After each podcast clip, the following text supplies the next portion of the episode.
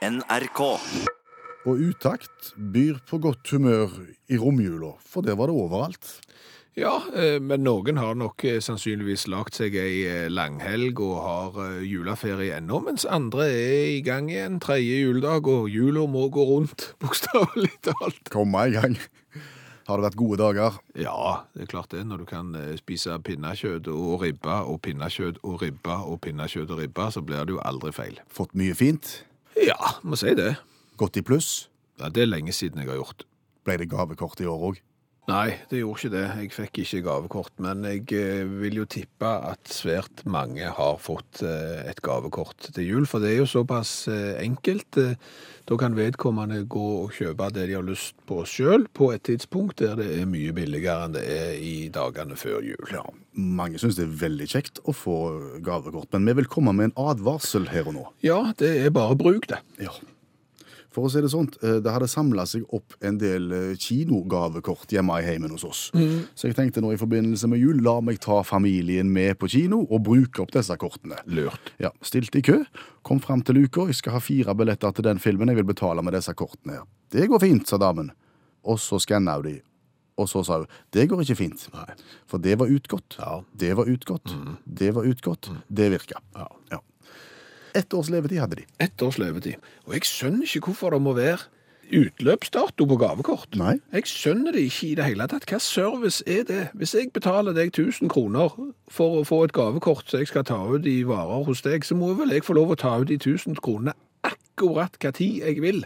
Skulle tro at det var ditt problem hvis du vil vente ti år, og det kortet egentlig er mye mindre verdt. Det måtte jo vært en fordel for deg som butikkeier hvis jeg venta ti år. For det er klart, hva får jeg for 1000 kroner om, om ti år? Jeg får sikkert ikke en melkesjokolade engang. En liten troika og et marsipanbrød koster sikkert 1000 kroner. Så jo lenger folk venter på å bruke gavekortene, jo kjekkere må det jo være for bedriftene. Ja, Det kjekkeste må jo være hvis du aldri bruker de, for da får du jo disse 1000 kronene. Så jeg ser jo at det er kanskje en liten sånn kynisme bak at eh, det er en utløpsdato på gavekort. Men hva, hva form for service er det? Nei. Kan det være at bedriftene ikke over lang tid ønsker å ha en masse på en måte flytende avtaler liggende der ute i, i verdensrommet et sted som på en måte ikke blir effektivisert Nei, hva heter det? Effektuert? At det ikke blir gjort noe med? At det blir litt vanskelig regnskapsmessig? At de må ha orden? Nå har jo vi aldri drevet butikk, så det er mulig vi er på mer enn tynne is her, og at det sikkert er noen gode grunner til at det bør være sånn, men vi vil ikke at det skal være sånn for det. For, for, for det er jo utrolig irriterende. Og, og så er det sånne små beløp òg, gjerne som bare liksom forsvinner. Og, og du vet jo det at det, mange elver små blir en stor å, osv. Det er klart når et stort kjøpesenter da får uh, gavekort der det står en hundrings der, og en 50-lapp der, og 45 kroner der, og så folk ikke bruker, så blir det jo store summer som egentlig bare gir vekk. Og skal vi gi vekk penger til jul, så skal vi jo ikke gi det til kjøpesenteret. Da skal vi gi det til folk som trenger det. Da skal vi gi det til, ja, til organisasjoner som hjelper andre folk som ikke har det så godt. Vi driver jo ikke gir vekk penger til ja, Ikea og Ops og, og andre. Nå tok dette en litt annen retning, Ja, det tenkt, men, men en ganske fin retning, Ja, egentlig. er veldig fin. Så mm, from all of us to all of you, a merry, merry Christmas. Gi vekk pengene til noe så trenger de, jo ikke gi det til et kjøpesenter nær deg. Du, eh, det er tanken som teller, sier vi alltid. Og, og den gjelder jo i jula. Han gjelder jo i jula, og, og tanken teller jo, men av og til så er tanken så dårlig at han burde ikke talt. Sier du det? Jo, jo, men det er jo litt den der når du gir eh, presang. Så, så det er jo ingen egentlig som blir sure for å få presang, fordi at du, du tenker at tanken teller. Men allikevel så er det jo noen som blir sure for det de får presang, fordi at tanken er så dårlig tenkt. Har du hatt eksempler på dette Nei, men- inneværende jul? Nei, ikke, ikke det, men, men jeg vet jo om familier der det har annet vært problemer når, når mann har gitt vekk kjøkkenredskap. Og, og, og tanken er i utgangspunktet god, men, men blir ikke godt mottatt, fordi at det, ei dame ønsker seg gjerne ikke kjøkkenredskap, for det føles kanskje litt nedverdigende. Kjøkkenredskap det er noe vi kan kjøpe sammen. Ja, det skal gå på drift, det, liksom. Ja, det skal gå på drift. Til jul så kan du heller gi meg noe jeg har lyst på Ja. til meg sjøl. Og, og da teller tanken, men så teller han ikke allikevel, for han er så dårlig. Jeg har en mistanke om at det finnes internasjonalt gode eksempler på at uh, ja, det er tanken som teller, men av og til er tanken veldig, veldig dårlig. Uh, dette har ikke vi greie på. Nei, så, så når eh, tanken teller, men vi ikke har greie på det, da kaller vi inn allmennlærer med to vekttall i musikk, Olav Hove. Og du har vel noen eksempler på at uh, tanken bak var god, gjennomføringa sto til stryk? Ja, det kan gå galt, vet du. Fordi at um, Det er mange måter å tilnærme seg på. Men jeg, jeg, tror vi skal bruke eksempler, og for det er pedagogisk så virker det ofte bedre at du bruker eksempel enn at du kommer med formaninger, har jeg lært uh, på lærerskolen. Ok, Eksempler på at uh, det er ikke alltid bare enkelt å gjøre andre glade. Nei, vi skal til, vi skal til Herefordshire nord for London, og, og pubeier Andrew Mahler som kjøpte puben Old Manor Pub, som er bygd på, i 1725 rundt når dronning Elisabeth var født. Og, og, og, litt kjedelig, litt sånn engelsk steinhus. Så han tenkte at nå skal vi gjøre det om til en turistattraksjon, så jeg investerer i en oppblåsbar julenisse og fester den på taket. For å gjøre befolkningen glad og i julestemning? Yes. Og 11 meter høy oppblåsbar julenisse festes på tak fra 1700-tallet. Så viste det seg at byggmesterne på 1700-tallet hadde ikke kalibrert taksteinfesting for dasking av, av, av, av vinylfigur i, i sterk vind. Så, så Andrew betalte 3000 for, i innkjøp av, av julenissen. Betalte 8000 pund så det er i England, i reparasjon av biler som var vandalisert av flygende takstein som denne julenissen hadde smadra. Ja, så, så, tanken var god, gjennomføringa var middels. Yes. Skal vi gå til Amerika? Ja, har, har, du flere eksempler? Ja. David Simmons, strålende fyr fra Tennessee, skulle gifte seg her i 2009 og eh, til sommeren, da vel å merke. Og før jul så trefte han ekskjæresten sin på butikken og sa hei, går det greit med deg? Nei, det gjør ikke det, sa hun. Det går ikke bra med meg, jeg føler meg dårlig, jeg føler meg tjukk, og jeg føler meg stygg, og jeg føler meg Nei det er ikke greit. Så han ga henne en klem og gikk hjem og begynte å skrive julekort. Og tenkte dette her var dumt, eh, tenkte David, og det var kjipt. Stakkars ekskone, eks, ikke ekskona, men ekskjæresten min. Dette var ikke greit. Så jeg tenkte, vet du hva, jeg skal ta sende henne et julekort òg, skal jeg ta sende med henne et bilde, for jeg har en del fine bilder, og så skal jeg skrive gode ord til henne. Så han strømte gjennom bildene sine, og da fant han oi, et nakenbilde òg. Tenkte ja ja, jeg sender det. Så skrev han da hvem vil ikke ligge med ei sånn vakker dame, skrev han, og sendte den på mail da til sine kommende svigerforeldre. Manglende IKT-kunnskap der, da. Um, han, han, sendte bilder av eksen sin, som han skulle være snille med, men han mm. sendte det til sine nye tilkommende svigerforeldre. Ja, det med, med, med, en tekst der han ønsket å ha samleie med eksen sin.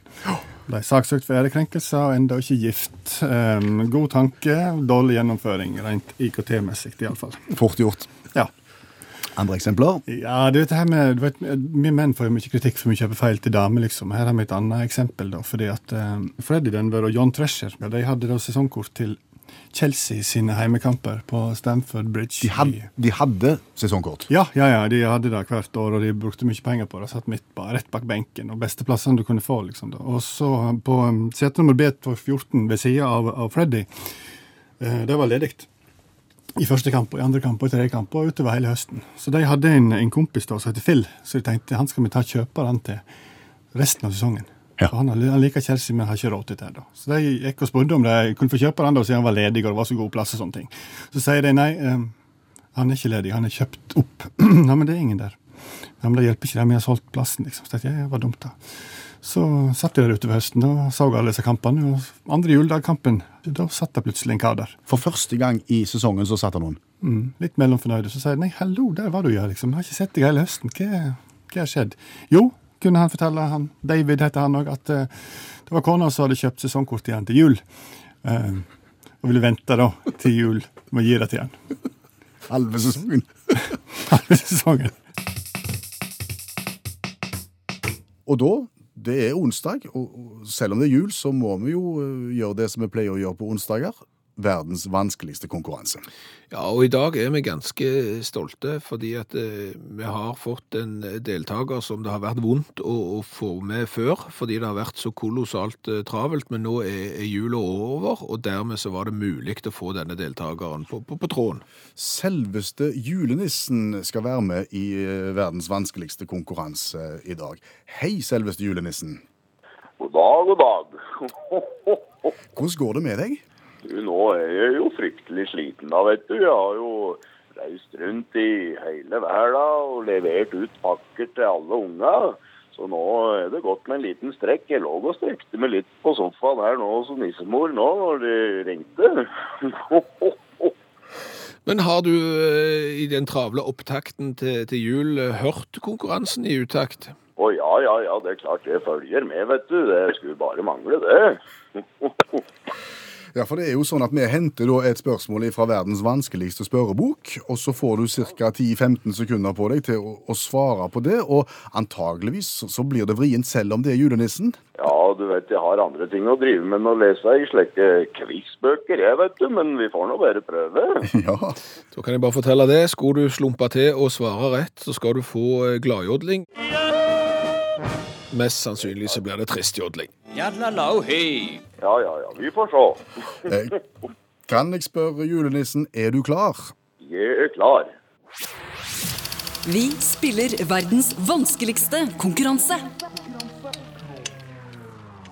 Og kjære julenisse, eh, du har jo ni reinsdyr foran eh, sleden din når du eh, drar ut med alle julepresangene, og helt fremst Rudolf som er rød på nesen. Og Rudolf er mest sannsynligvis en hunnrein. Hvorfor har vi grunn til å tro at Rudolf er en hunnrein? Ja, det var fryktelig vanskelig. Jeg trodde han var en hannrein, skal jeg være helt ærlig, da. Han har lurt meg i alle såra. Kan, kan du gjette julenissen, tror du? Uh, Hunnrein?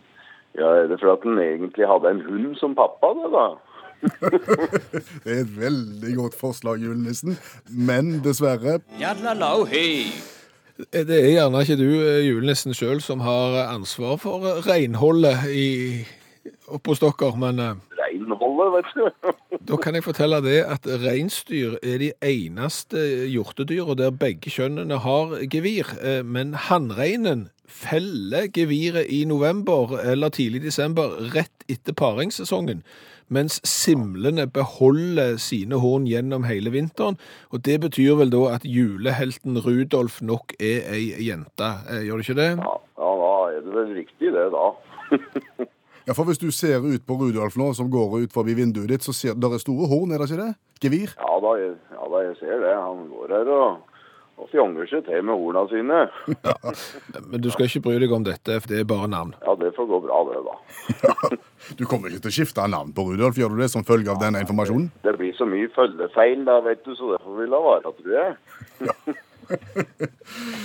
Ja, men da, kjære julenisse, da skal ikke vi forstyrre mer.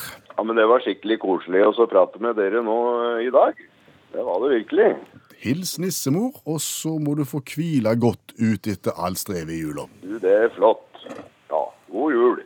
God jul! Du hører Utakt i NRK P1, og dette var All About You med Madden og Chris Holsten. Skal vi si det er tredje juledag, og jeg tenker eh, jula er jo lesetid.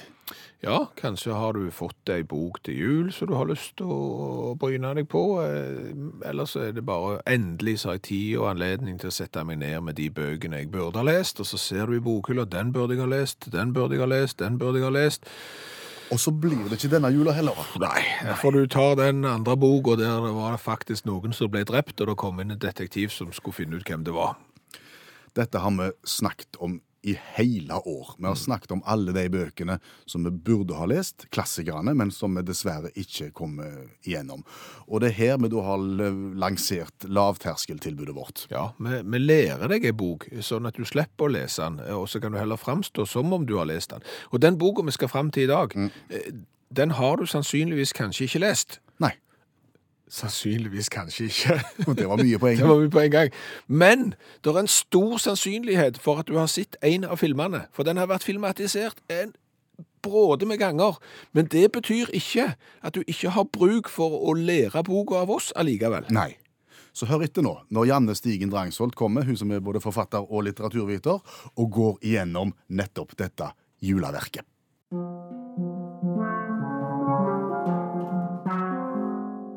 Charles Dickens' A Christmas Carol fra 1843. Ebenezer Scrooge. Bah, humbug. Du skal jobbe i 38 timer på julaften i et iskaldt rom og like det. Spøkelse. Ebenezer Scrooge. Tre spøkelser vil komme for å fortelle deg at du er slem. Tre spøkelser. Du er slem, Ebenezer Scrooge. Ebenezer Scrooge.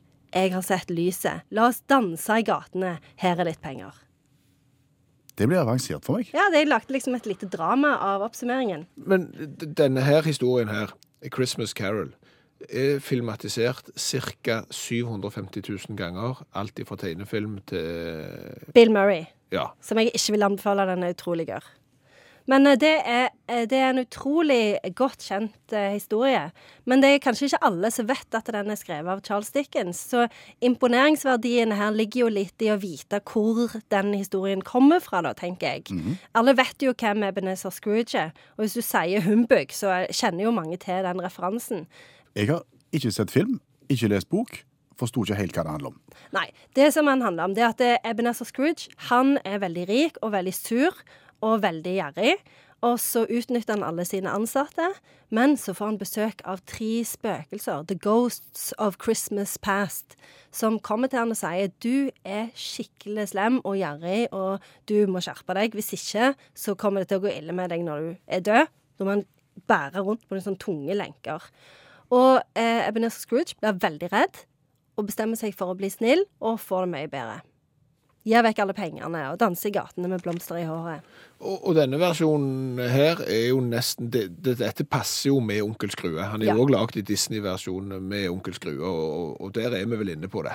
Helt riktig. Og han heter jo til og med Scrooge på engelsk, onkel Skrue. Så dette, dette er rett inn i Charles Dickens.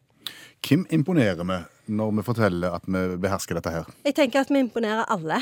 Eh, og det er en veldig sånn eh, sesongprega klassiker som det er veldig, veldig nyttig å kunne dra fram nå.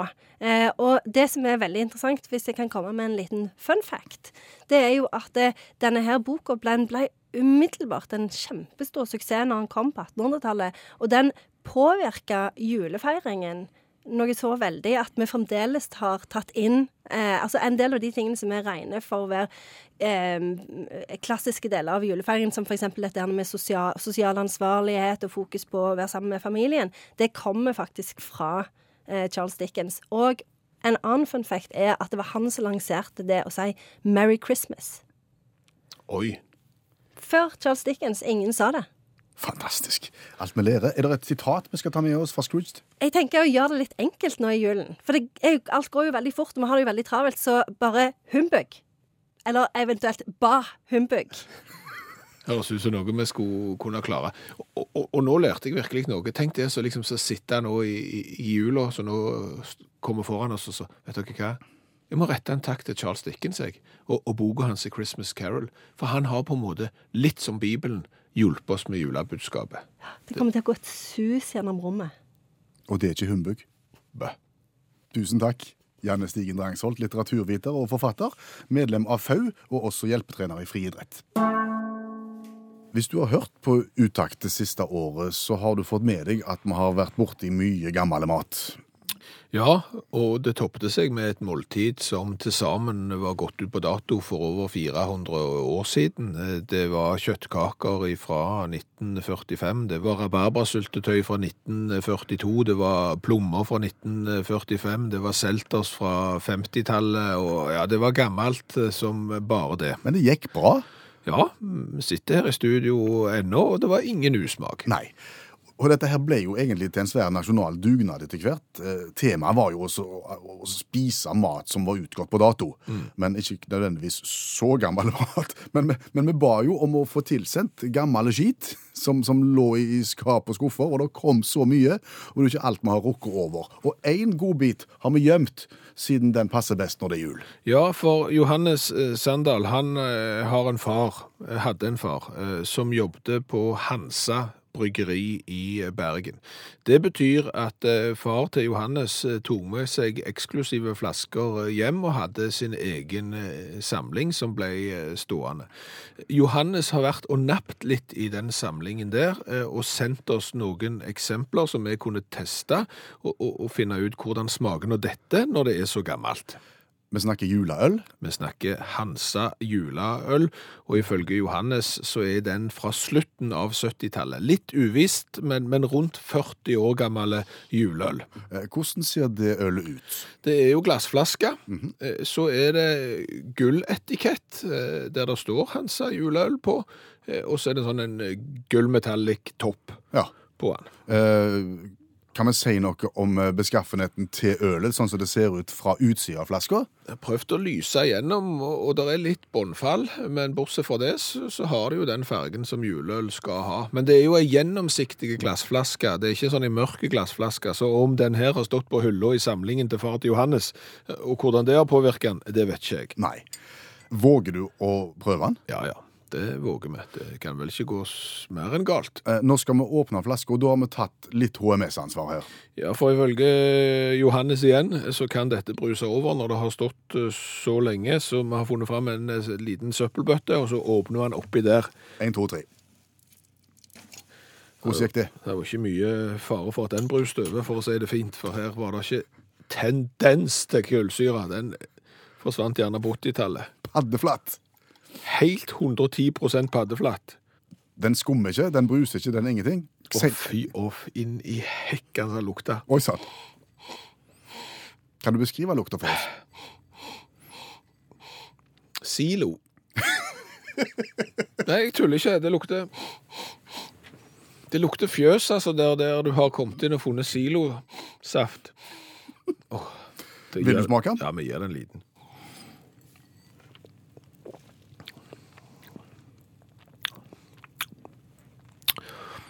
Det var ikke noe, var ikke noe fest. Nei. Nei. Men eh, silo? Smaker det silo? Hvorfor slutter du å snakke nå? Nei, jeg vet ikke. Jeg, jeg sitter og kjenner på den ettersmaken som, som er ytterst eh, spesiell. Jeg kan vel bare si det at her har du juleøl som har stått på ei sånn pyntehylle siden eh, 70-tallet, så er det ingen vits i å åpne den og drikke den. Det var kjempevondt, og, og det lukta enda verre. Jeg tror vi må ut og drikke noe vann, eller noe annet. Men tusen takk til Johannes. Ja. Beautiful Star of Bethlehem, framført av Synnøve Aanensen og Sondre Bratland. Og det må jeg få lov å si, Per Øystein, at hadde det ikke vært for deg, så er det ikke sikkert at vi hadde spilt den sangen på radio nå, for det er ikke sikkert den sangen hadde eksistert Drar med det litt langt nå? Nei, jeg vet nå ikke det, men, men det er klart, eh, hadde jeg vært eh, journalist i en eh, stor tabloidavis, så kunne jeg nok ha lagt overskriften NRK-radiokjendis. Det er deg, da. Kult. Ja, du, du er jo ikke det, men, men du hadde vært det i den overskriften der. NRK-radiokjendis redda Sondre Bratland fra den sikre salmebokdøden. Det er sterke ord, det. Ja, men jeg sier, nå har jeg spissa han til for at det skulle passe i en tabloid avis, så, så, så han er nesten inn forbi. OK, skal vi ta han? Ja, det kan du gjøre. Ok. Da tar vi historien. Dette her begynner jo da en sommerdag i eh, Ryfylke, i Årdal i Ryfylke. Sondre Bratland og Synnøve Aanensen skal spille inn denne sangen her Ja. I Årdal kirke. Ja, eh, jeg er fotograf, eh, for det er jeg utdannet som. Du er journalist, og vi skal ut og dekke dette. Og det er jo litt eh, absurd. Inn i ei kirke midt på sommeren, og det var ikke hva sommerdag som helst. Det var den varmeste vi hadde opplevd. Ja, ja, ja. Det var altså borti 30 grader, og det er fuglesang, og det er, Alt som jord, det er jordbær, og det er, er alt som ikke er jul. Men, men iallfall, vi har reist inn der og, og skal lage dette TV-innslaget om denne innspillinga midt på sommeren. Yes. Og eh, når vi har sett på selve innspillingen, vakkert som bare det, så henter vi med oss sjefen sjøl, Sondre Bratland, bak i kirkeskipet for å gjøre et intervju om, eh, om selve innspillingen. Og da er jo du fotografen, og da stiller du vedkommende opp sånn at, sånn at det ser bra ut. Ja, passer passe på å få rett eh, lys, og, og at bakgrunnen er, er fin, og dermed så bruker jeg eh, den flotte veggen i, i Årdal kirke, som er ærverdige og gamle, og, og plasserer den Der skal du stå! Bare, bare stå der, sånn flott. Alle tiders.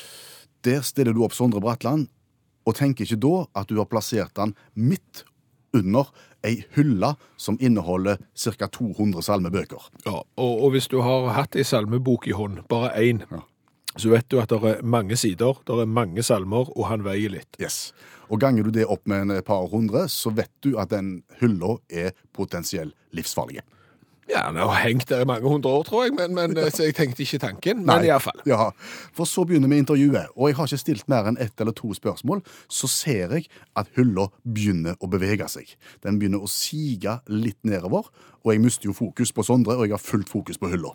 Så kaster du deg fram. Ja. Og akkurat når du kaster deg fram og tar opp venstrehånda di og støtter hylla, Ja. Så detter den jo. Ja, for da spretter det ut en, en skrue fra festet, og hylla er på vei ned mot hodet. Men jeg kaster meg, som du sier, fram og får støtta opp, og der står jeg og holder jeg vil tro ett og et halvt tonn med salmebøker. Ja. Vi får iallfall Sondre Bratland i, i sikkerhet før vi eh, hylla faller ned og alle salmebøkene går i bakken. Og det er derfor jeg som eh, tabloidjournalist ville sagt at du, NRK-radiokjendis, redda Sondre Bratland fra den sikre salmebokdøden. Heldigvis gikk det godt. Ja. Sam Smith, Too Good at Goodbyes, og dette er utakt i NRK P1. Og jeg pleier å avslutte programmet med å stille følgende spørsmål. Hva har vi lært i dag? Åh, vi har lært ganske mye. Selv om det er jul. Ja, jeg vil påstå det. Eh, Mange har sikkert fått gavekort til jul, eh, og det jeg har lært, og det jeg vet, er at svært mange småbeløp blir stående igjen på disse gavekortene og blir aldri brukt. Hvem tjener på det? Kjøpesentrene. Ja, de som ikke burde tjene på det. Så det første kjøpesenteret som nå går ut og sier at eh, alt det som er igjen på disse gavekortene, og som ikke blir brukt, skal gå uavkorta til et veldedig formål. De kommer til å få enormt mye eh, positiv respons og reklame, så eh, herved er oppfordringen gitt. Kan vi si uavgavekorta til et veldedig formål, så blir det litt artig ordspill Ja, det, det kan du godt ja. si, men, men saken er viktig. Ja. Eh, så har vi lært det at det er tanken som teller, men ofte så står gjennomføringen til stryk. Ja. Eh, Det er klart, eh, å oppmuntre en tidligere kjærest eh, kan være en god og nobel tanke, men ikke send nakenbilder av vedkommende til dine nye svigerforeldre. Nei. Det går særdeles dårlig. Tanken teller, gjennomføringa står til stryk. Så har vi lært det i verdens vanskeligste spørrekonkurranse, at nissen har utrolig dårlig kontroll på kjønna på sine egne reinsdyr. Oppsiktsvekkende kunnskapsløse der. Ja, det, det står til stryk, for å si det eh, fint. For Rudolf, kjønnet til Rudolf, er ikke som en tror. Kjønnet til samtlige reinsdyr er ikke som du tror. Eh, Alle reinsdyra, enten de heter Donner, Blitzen eller Rudolf, er faktisk eh, damer, hvis en skal tro de som har greia på reinsdyr og gevir. Fordi Fordi at geviret hos reinsdyrene, mennene feller det etter paringssesongen rett før jul, mens damene beholder geviret. Og hvis du ser på reinsdyra til, til julenissen, så har de alle gevir, eh, og dermed så er de damer. burde fått nye navn. Ja, ja, jeg har jo hatt en, en mannlig katt som heter Pippi, og nå har jeg en uh, kvinnelig katt som heter Emil, så det tror jeg ikke de vet om. Det, det, jeg tror ikke de har et avklart forhold til det, så det går greit. og helt til slutt så har jeg lært det at juleøl fra slutten av 70-tallet, det lukter silo, og det smaker verre. Det er helt pyton. Nå har jeg sittet her og drukket vann i snart et kvarter, og det hjelper ikke. Det er en ettersmak som ikke vil vekk. Per Øystein Kvinnesland heter jeg, Bjørn Lars Skjæveland heter jeg. og vi lager Utakt, og du kan høre Utakt igjen i morgen mellom 11 og 12. Hør flere podkaster på nrk.no podkast.